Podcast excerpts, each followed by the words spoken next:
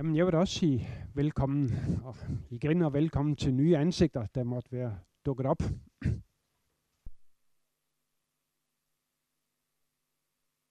aften, der skal vi beskæftige os med to små bøger.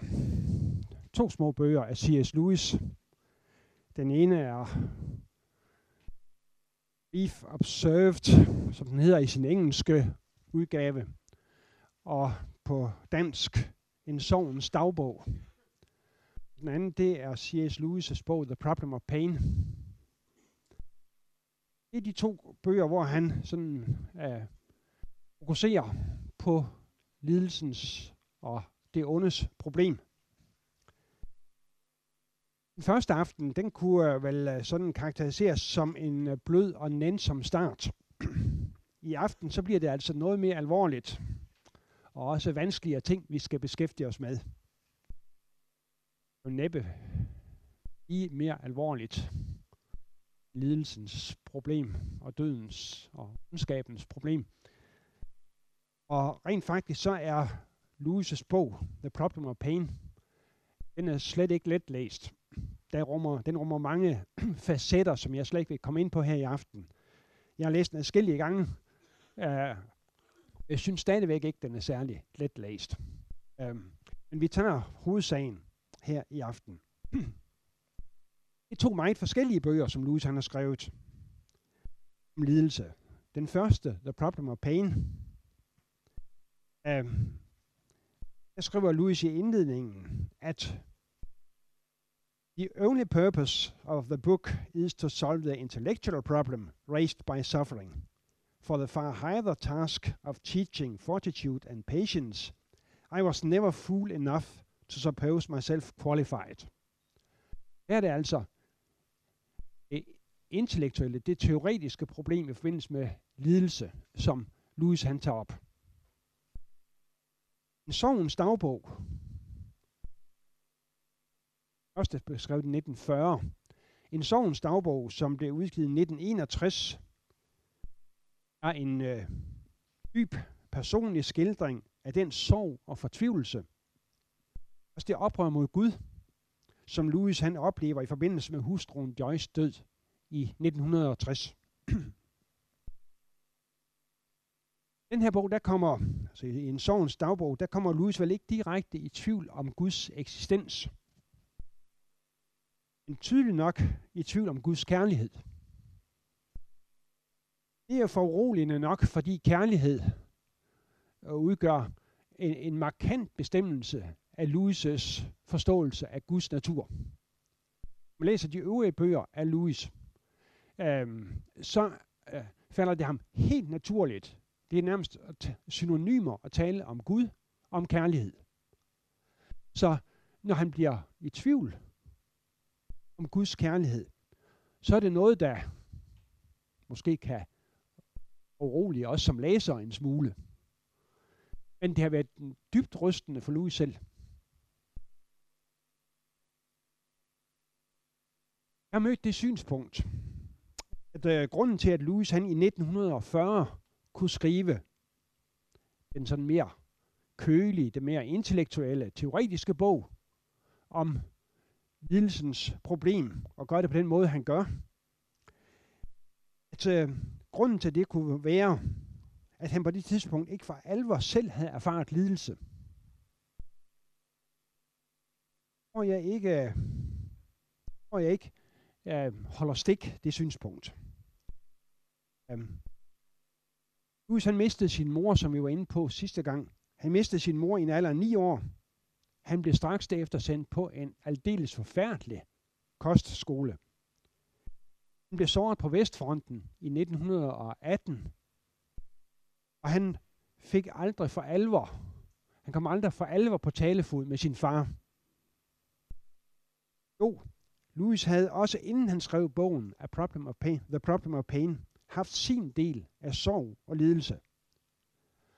Livet må vi konstatere, at det til synligheden ikke ryster ham til nærmelsesvis som det at miste Joy i 1960.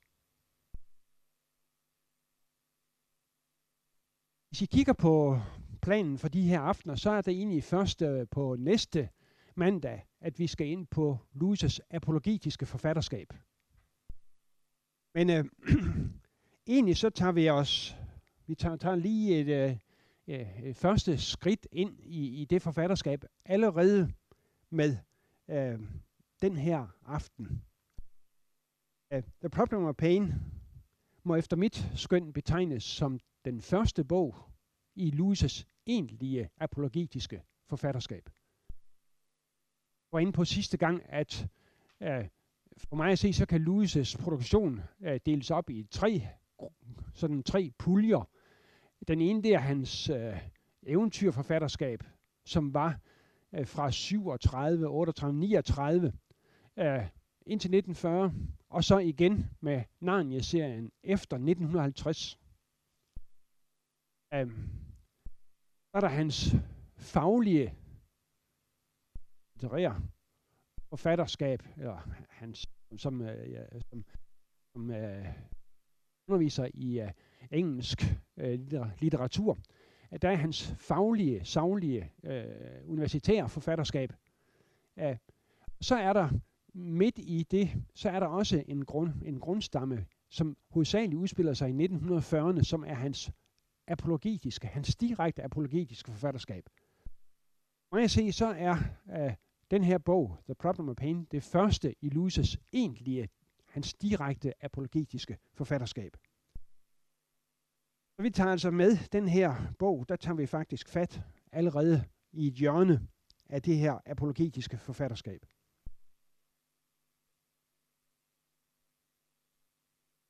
Ser vi på, ser vi på af kristendommens stilling i Europa og i den vestlige verden i løbet af de sidste 180 år, eller noget af den stil. Jeg starter uh, i min tænkning her med, med Feuerbach omkring uh, 1840. Uh, så er der fra dag af og frem til i dag, så er der en række indvendinger mod kristendommens sandhed og troværdighed, som er blevet rejst. Og der er mange forskellige, men også her vil jeg sige, at der er nok, de kan deles op i, i, i tre puljer. Tre hovedindvendinger har været gennemgående, så vidt jeg kan se, og har haft gennemslagskraft i den vestlige verden. Der er de illusionistiske religionsteorier, altså dem, der går ud på, at når vi tror på Gud, så er, det, så er Gud ikke virkelig. Han er en illusion. Uh, og religionen handler ikke. Religionens objekt, det er religionen primært drejer sig om Gud, en overnaturlig magt, findes ikke virkelig. Det var en uh, tankegang, som øh, findes langt tilbage i, i historien, men som uh, ikke mindst kom til udtryk hos uh, den tyske filosof uh, Ludwig Feuerbach. Hans tanke var, at Gud findes ikke i virkeligheden, men er et resultat af menneskers drømme og ønsketænkning. Det er ikke Gud, der har skabt mennesket i sit billede, men det er vi mennesker, der har skabt Gud i, i vort billede. Ja. Um, det er en tankegang, som uh, Feuerbach har givet udtryk for, og som Marx og Nietzsche og Freud blandt andet også har givet deres version af. Det er altså, det er her forstår vi de illusionistiske religionsteorier. En anden hovedindvending mod kristendommens sandhed går ud på, at naturvidenskaben giver et mere troværdigt, et mere fyldestgørende billede af virkeligheden, end Bibelen og den kristne tro gør. I nu, der er det Richard Dawkins og øh, den nye ateisme, den nye øh, religionskritik, der er det dem, som er, er, er dominerende på markedet, hvad den teori angår. Øh, en en afskygning af den, det er, at evolutionsteorien er mere troværdig end den kristne skabelsestænkning. Det er, det er den anden hovedgruppe af hovedindvendinger. Og så er der altså lidelsen og det ondes problem. Også kaldet teodicé-problemet. Det kommer jeg tilbage til om lidt. Og det går i sin hovedsag ud på, at hvordan kan vi tro på en kærlig, almægtig Gud, når der findes så meget ondskab og lidelse her i verden. Øhm, og efter manges mening er det den sidste indvending, den lidelsens og det ondes problem, er det den mest alvorlige øh, for, for, for, for kristendommen. Apologetik, det er et andet ord for kristendomsforsvar. Når vi i det følgende fokuserer på lidelsen og det ondes problem, og Louis' forståelse af det, så tager vi dermed allerede i aften hul på temaet apologetik.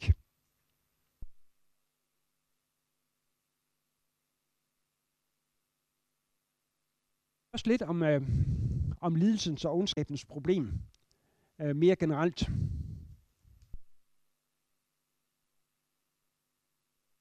Lidelsens og ondskabens problem findes både som et eksistentielt og som et intellektuelt problem.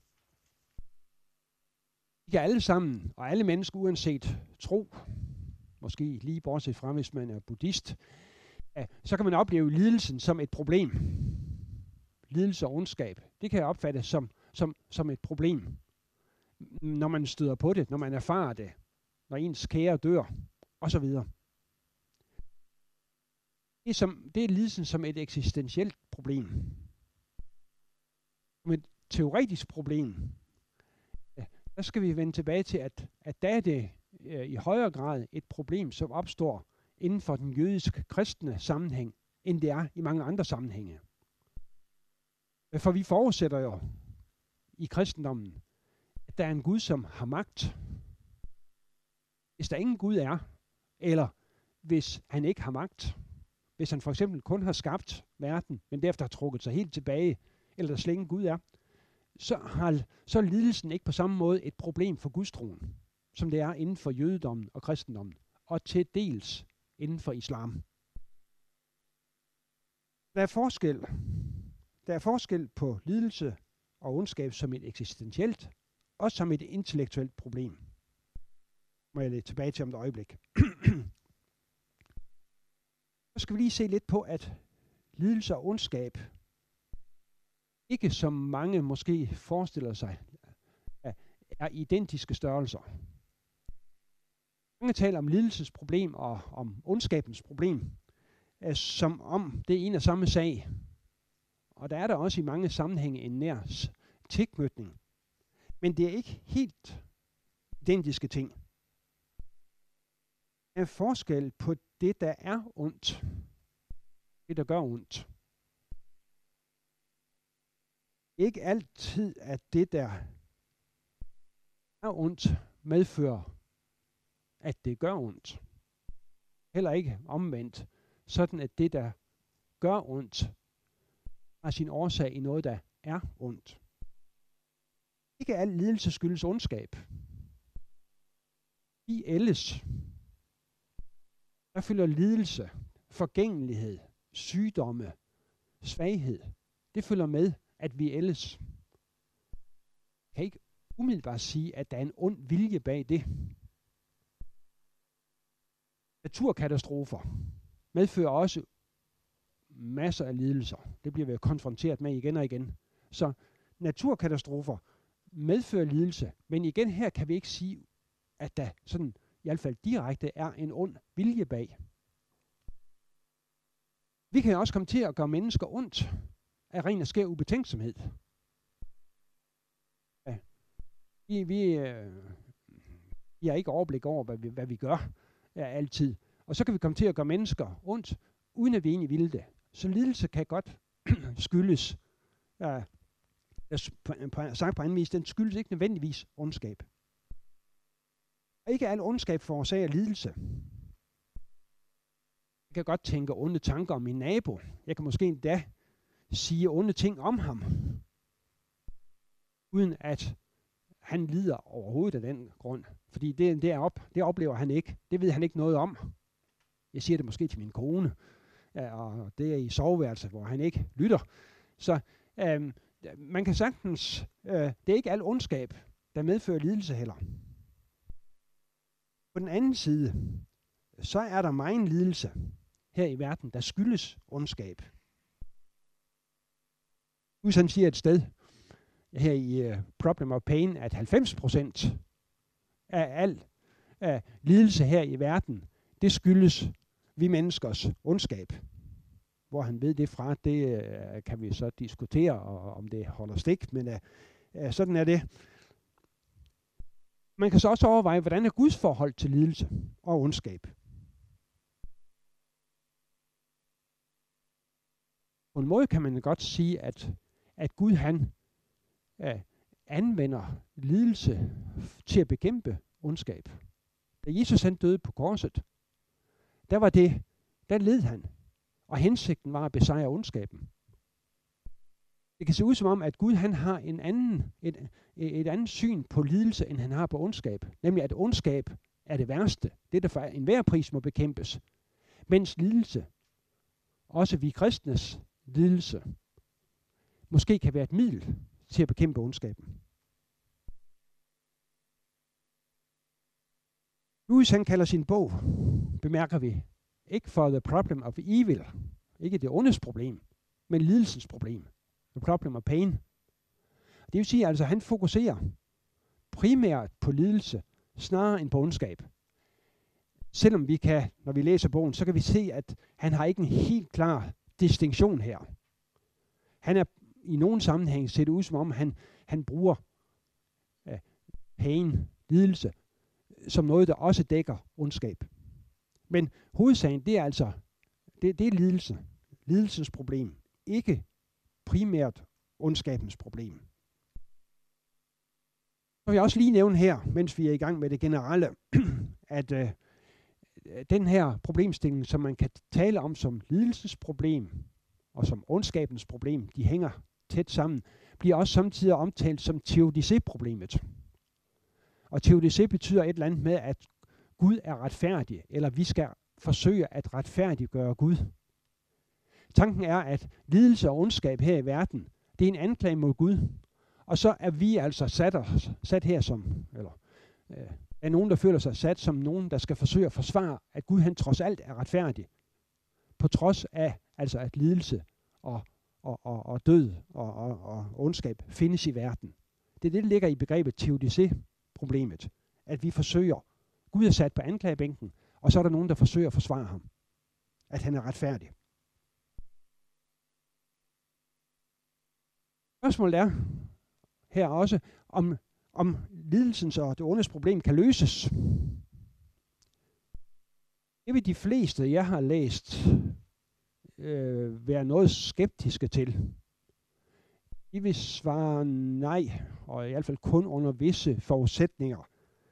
Øh, en af de øh, mest berømte nutidige kristne filosofer, Alvin Plantinga, øh, han øh, siger, at øh, han går efter nogle meget komplicerede udregninger og, og, og refleksioner, så når han frem til, at der er ikke nogen nødvendig logisk modsætning i det ondes problem. Altså der er ikke nogen nødvendig logisk modsætning mellem, at Gud han er almægtig og kærlig, og at der alligevel er øh, lidelse og ondskab her i verden.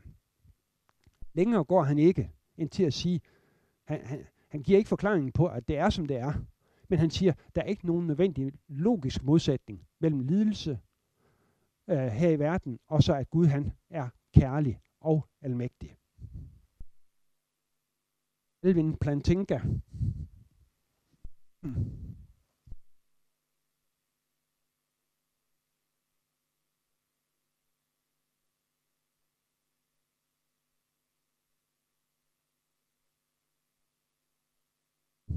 Alvin Plantinga.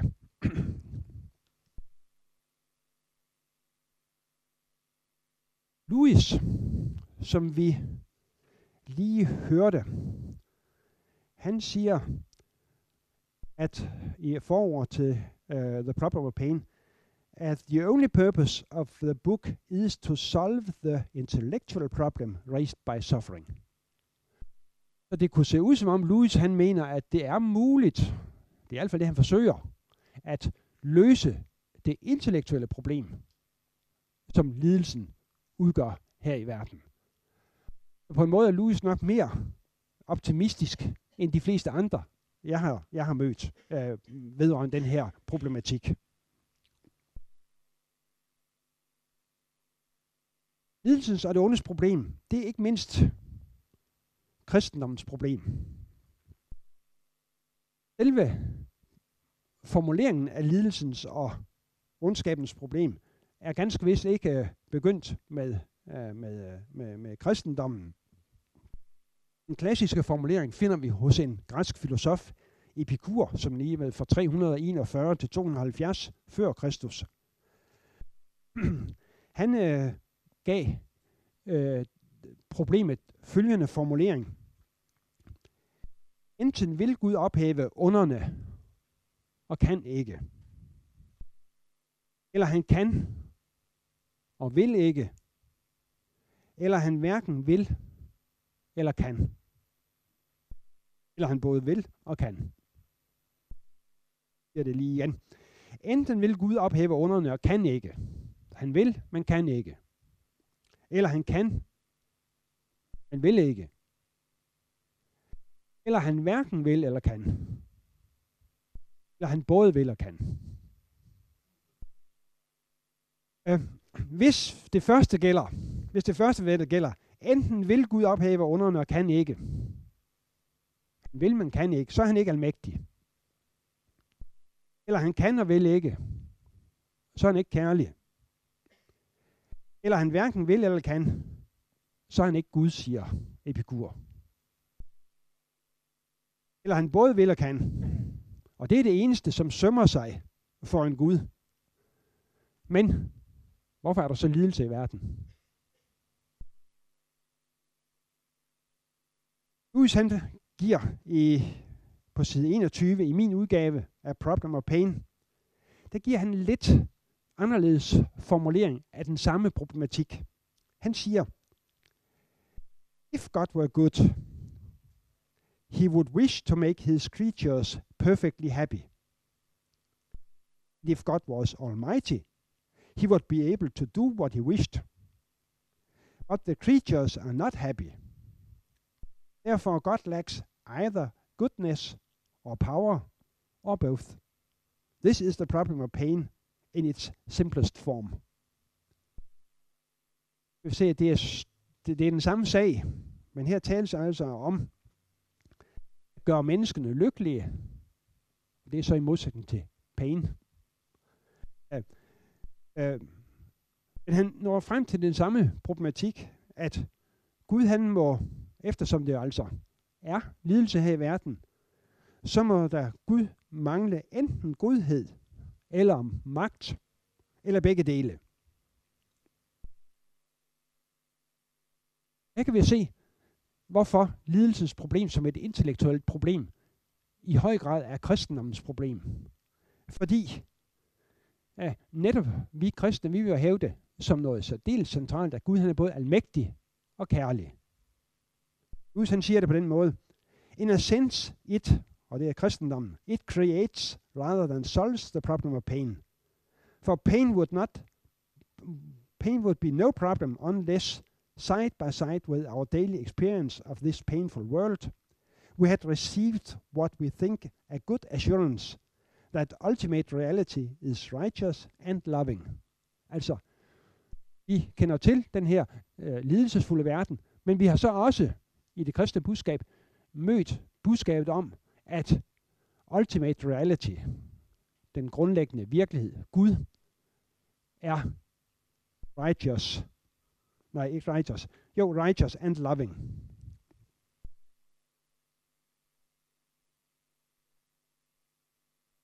Her alt det her viser, at der er tre hovedingredienser i det ondes problem. Der er Guds kærlighed, der er Guds almagt og ondskaben i verden. Det er de tre grundlæggende komponenter, der er i øh, den her problematik. Her kommer, til kommer der så nogle yderligere facetter. Menneskets placering, djævelens rolle, øh, Guds holdning til henholdsvis lidelse og ondskab.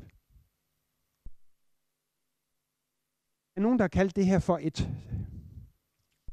et, et trilemma. Ikke et dilemma, men et trilemma.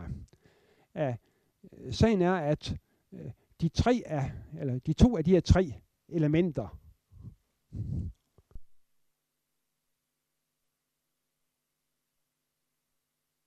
Guds kærlighed som det første, andet. Guds almagt. For det tredje, lidelsen eller ondskaben, vi konstaterer,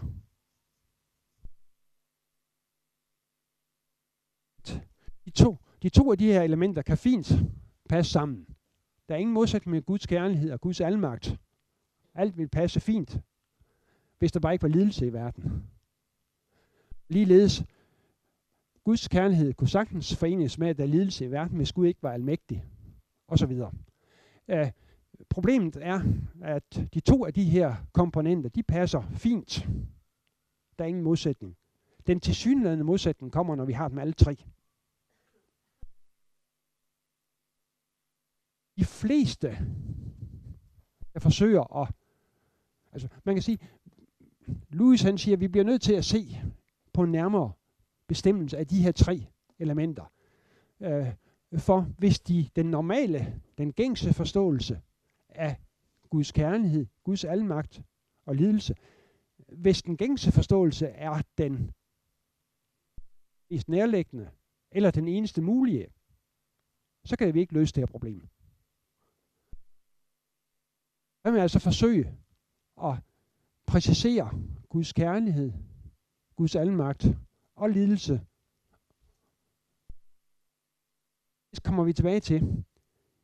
De fleste, der gør det, der, der, der arbejder med, med de her spørgsmål teoretisk, de er villige til at sælge lidt ud af Guds almagt, for at kunne fastholde Guds kærlighed. En engelsk filosof, John Stuart Mill, han gør det helt oplagt. Og de fleste andre, øh, de er også, så vidt jeg kan se, øh, de vil sige, at vi skal forstå Guds almagt på en lidt anderledes måde, end vi normalt gør. Af en øh, norsk teolog, øh, havde jeg lige hans navn, men øh, nu er det forsvandt det igen. Øh, jeg finder det. Han, han taler om, øh, om Guds, øh, om en kæmpende almagt.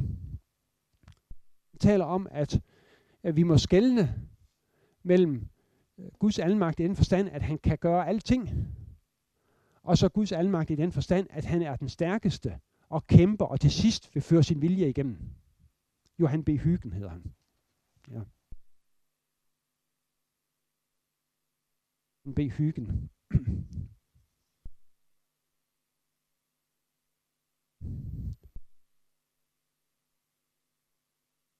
Hvis vi lige skal have et, øh, et, øh, et lokalt tilsnit også af det her, så kan man sige, at, at vores egen Løstrup, som er professor på Aarhus Universitet i en årrække, øh, den er derimod villig til at,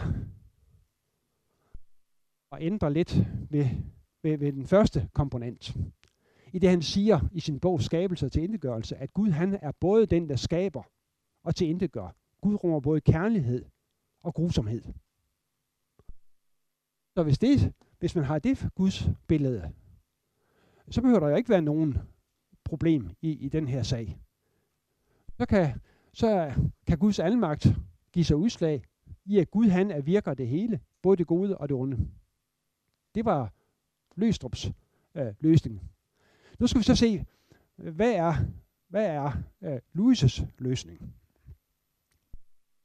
Han siger, possibility of answering it, altså det her problem, depends on showing that the term good and almighty, and perhaps also the term happy, are equivocal, og det betyder tvetydige.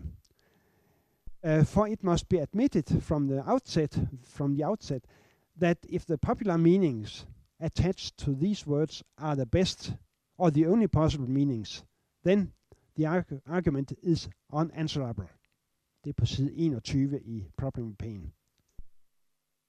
Uh, øhm, Louis altså vil altså forsøge at præcisere, som sagt, både kærlighed, almagt, og så taler han om at være happy. Det vil han også forsøge. Og det er altså i relation til, til, til det tredje element, lidelse. Vi prøver at se på Louis' løsning. Du, øh, nej, jeg vil sige, at jeg kan låne det, så jeg holder lidt styr på tiden. tak. øh, Louis' løsning på lidelsens problem, det er, at han vil se på alle de her tre elementer. Han starter med Guds almagt. Så siger han, at, øh, at øh, Guds almagt er begrænset på to måder. Øh, for det første kan Gud ikke gøre det, det der er selvmodsigende. If it is self-contradictory, it is absolutely impossible. Man kan tænke på sådan noget som en gift ungkal, eller en rund firkant, eller noget af den stil. Uh, selv Gud kan ikke øh, skabe en gift ungkal, eller en rund firkant. Nonsense remains nonsense even when we talk it about God, er Louis' uh, påstand. Og det lyder sandsynligt nok, uh, at det der er, er, er vanvid, det og, og tåbeligt og umuligt, det kan, heller, det kan Gud heller ikke gøre. Hans anden præcisering, den er noget mere kompliceret.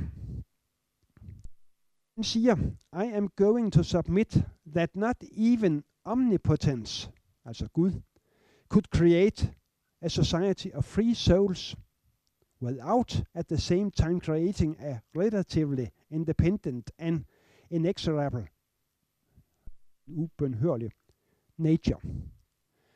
Gud siger altså, han kan, Gud, selv Gud kunne ikke skabe frie mennesker, uden samtidig at skabe en natur, der har en fast struktur.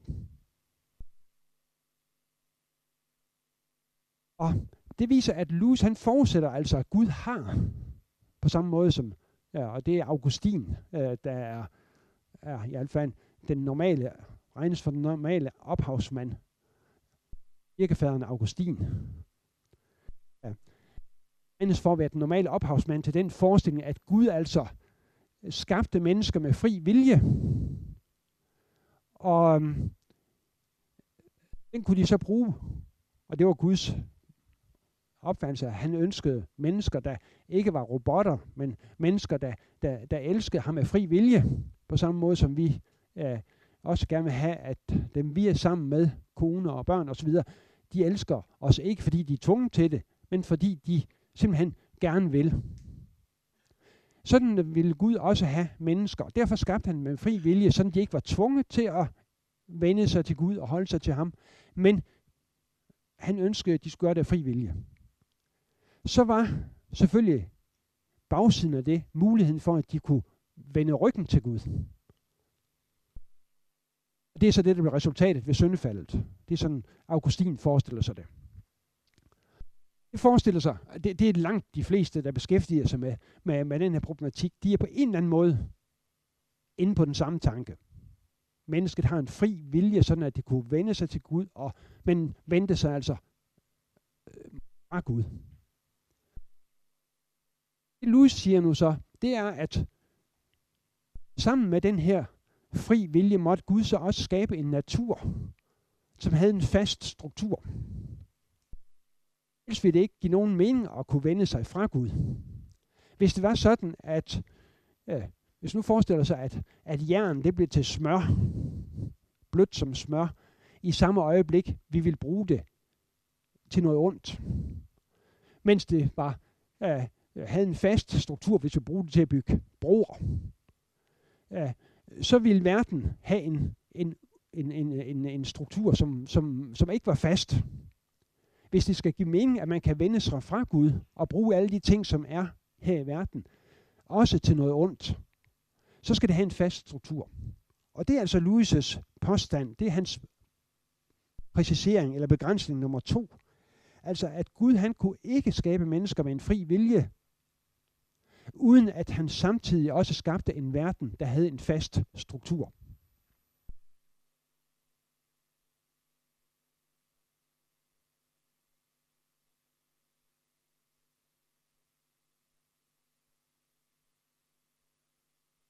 tingene her i verden har altså den samme struktur, hvad enten vi benytter den til noget godt eller noget ondt. Så Guds almagt rummer altså de her to præciseringer, og forudsætningen for den sidste er tanken om, at Gud har skabt mennesker med en fri vilje. Så kommer til Guds kærlighed.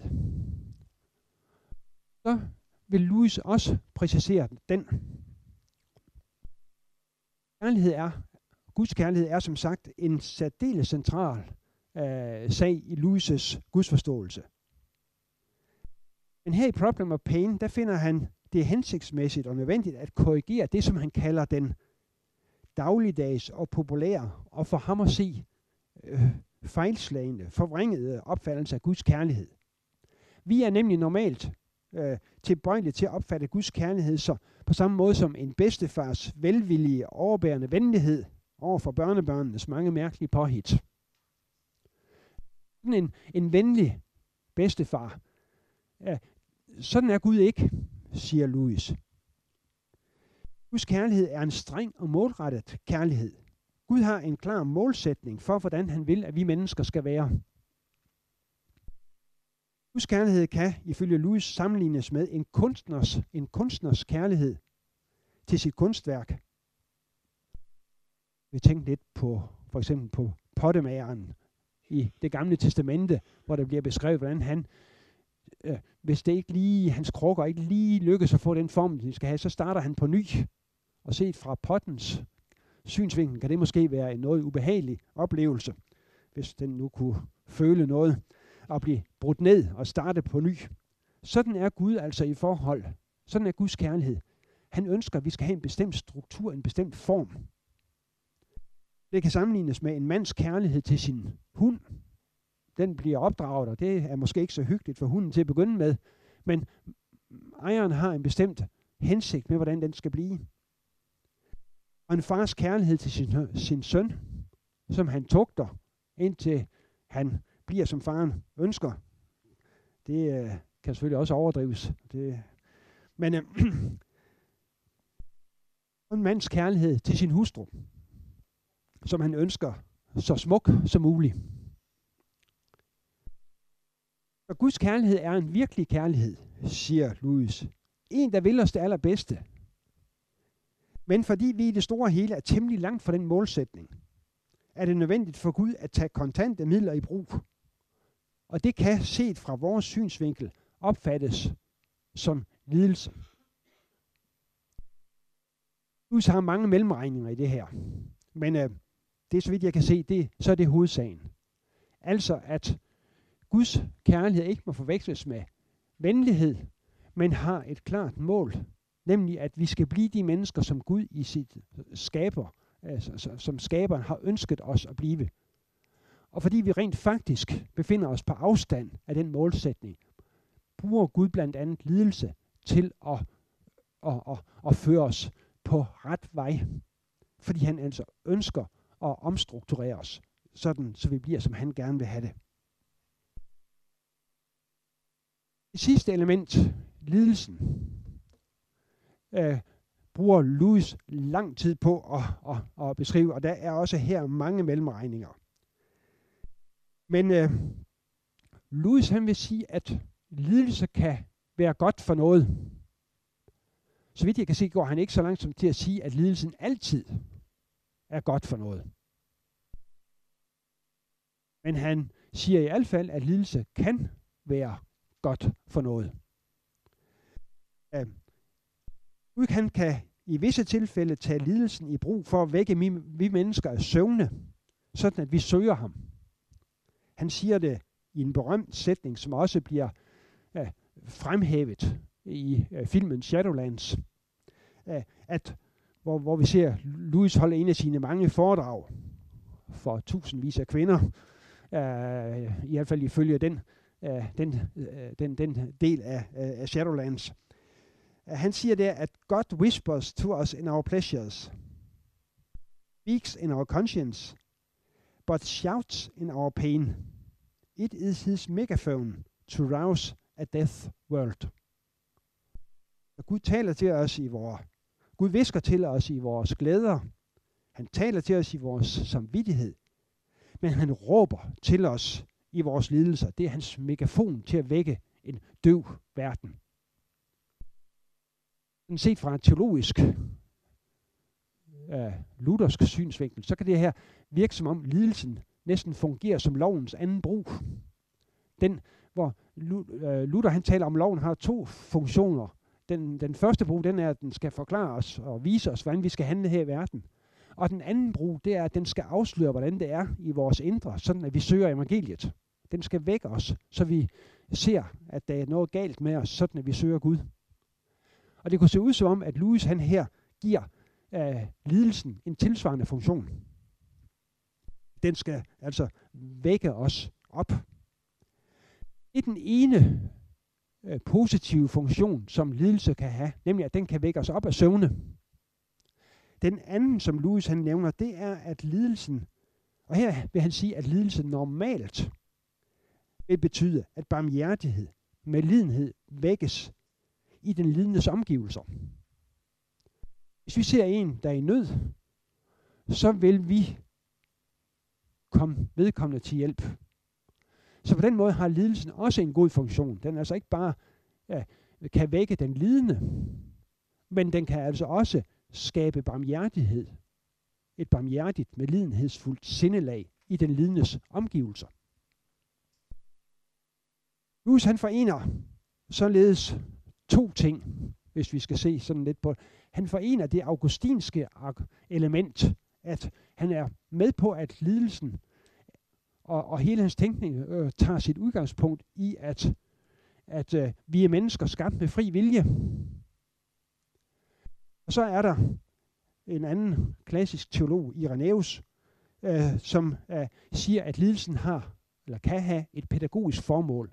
Og det vil Louis også sige med den her sidste sag, om at ja, lidelsen kan bruges til at vække os af søvne, og lidelsen kan desuden fremavle, fremprovokere, fremelske barmhjertighed.